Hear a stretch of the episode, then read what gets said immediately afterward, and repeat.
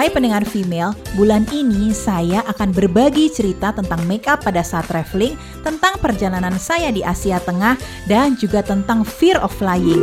Female Travel Journal with Claudia Kauna.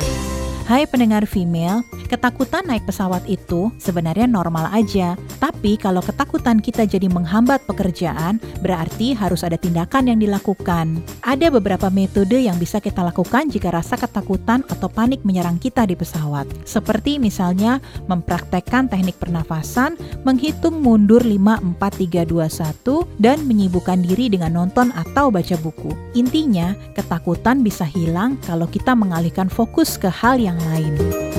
Tunggu ya cerita perjalanan saya di Female Travel Journal berikutnya dan Anda juga bisa mendengar cerita selengkapnya di femaleradio.co.id. Female Travel Journal with Claudia Kauna.